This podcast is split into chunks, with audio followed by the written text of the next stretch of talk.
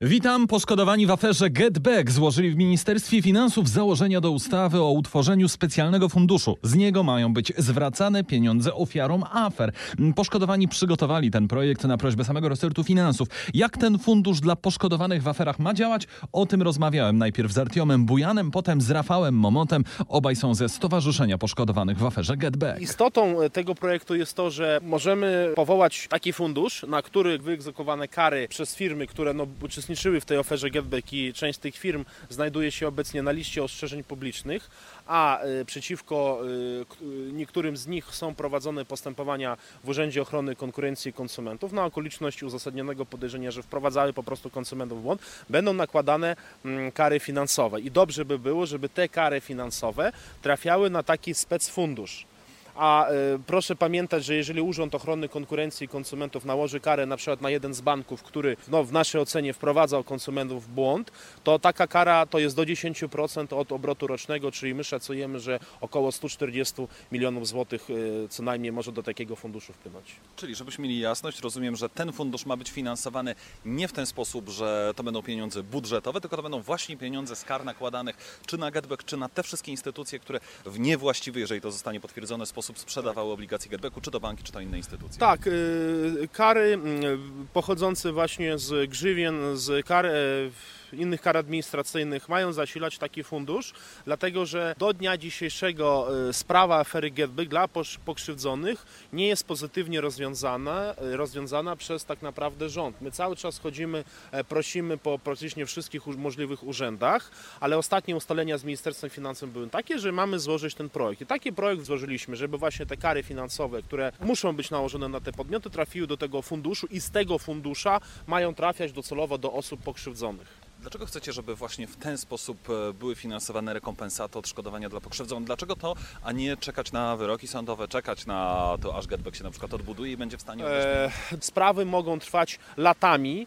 E, sprawy cywilne, a wiemy, że sądy są wręcz zawaleni różnego rodzaju sprawami, też trwają latami, a w tym momencie, Szanowni Państwo, mm, e, już jest jeden podmiot, na jeden z podmiotów jest nałożona kara finansowa, to jest około podajże 2,5 miliona złotych, to jest na Polski Dom Przez Urząd Komisji Nadzoru Finansowego, a UOKiK również nałożył karę w swojej decyzji około 2 miliony złotych, więc tak naprawdę 4,5 miliona złotych już może trafić niedługo na taki fundusz, którego tak naprawdę powołanie powinno zostać niezwłocznie. My jesteśmy e, w stanie nawet pracować z Ministerstwem Finansów codziennie, żeby jak najszybciej taki fundusz, na który będą spływać kary, powołać. Czyli chodzi przede wszystkim o przyspieszenie tego procesu odzyskiwania pieniędzy. Tak, chodzi o przyspieszenie procesu odzyskiwania pieniędzy, dlatego że Szanowni Państwo, Państwo wiecie, że no my staramy się tak naprawdę już od ponad roku.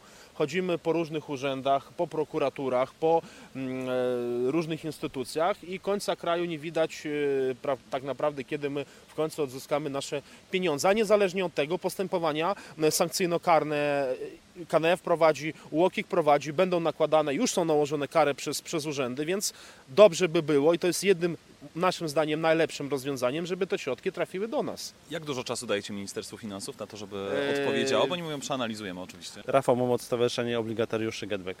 Myślimy o dwóch tygodniach, że to jest powiedzmy wystarczający czas, żeby zapoznać się z tą sprawą, tym bardziej, że ten temat poruszaliśmy już wielokrotnie.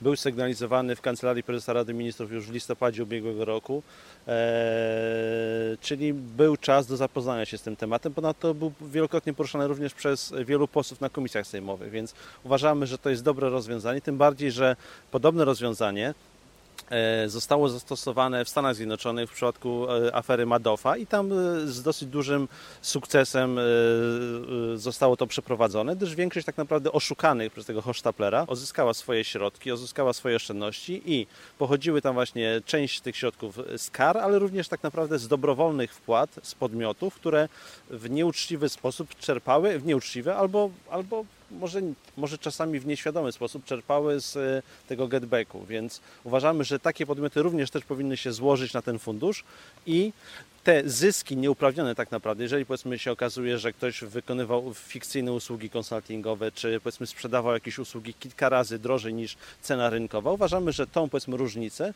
powinien zwrócić do tego funduszu, tak że aby jeżeli nie chce powiedzmy e, być pociągnięty do odpowiedzialności karnej, więc uważamy, że to jest dobre rozwiązanie, nie obciąży finansowo państwa polskiego, a również spowoduje tak, że to będzie powiedzmy taki wzorzec dobrego rozwiązania tego typu afer w przyszłości i straszak na kolejnych oszustów, którzy, którzy chcieliby powiedzmy oszukiwać e, uczciwych Polaków. To był Artiom Bujan i Rafał Momot ze Stowarzyszenia Poszkodowanych w aferze GetBack.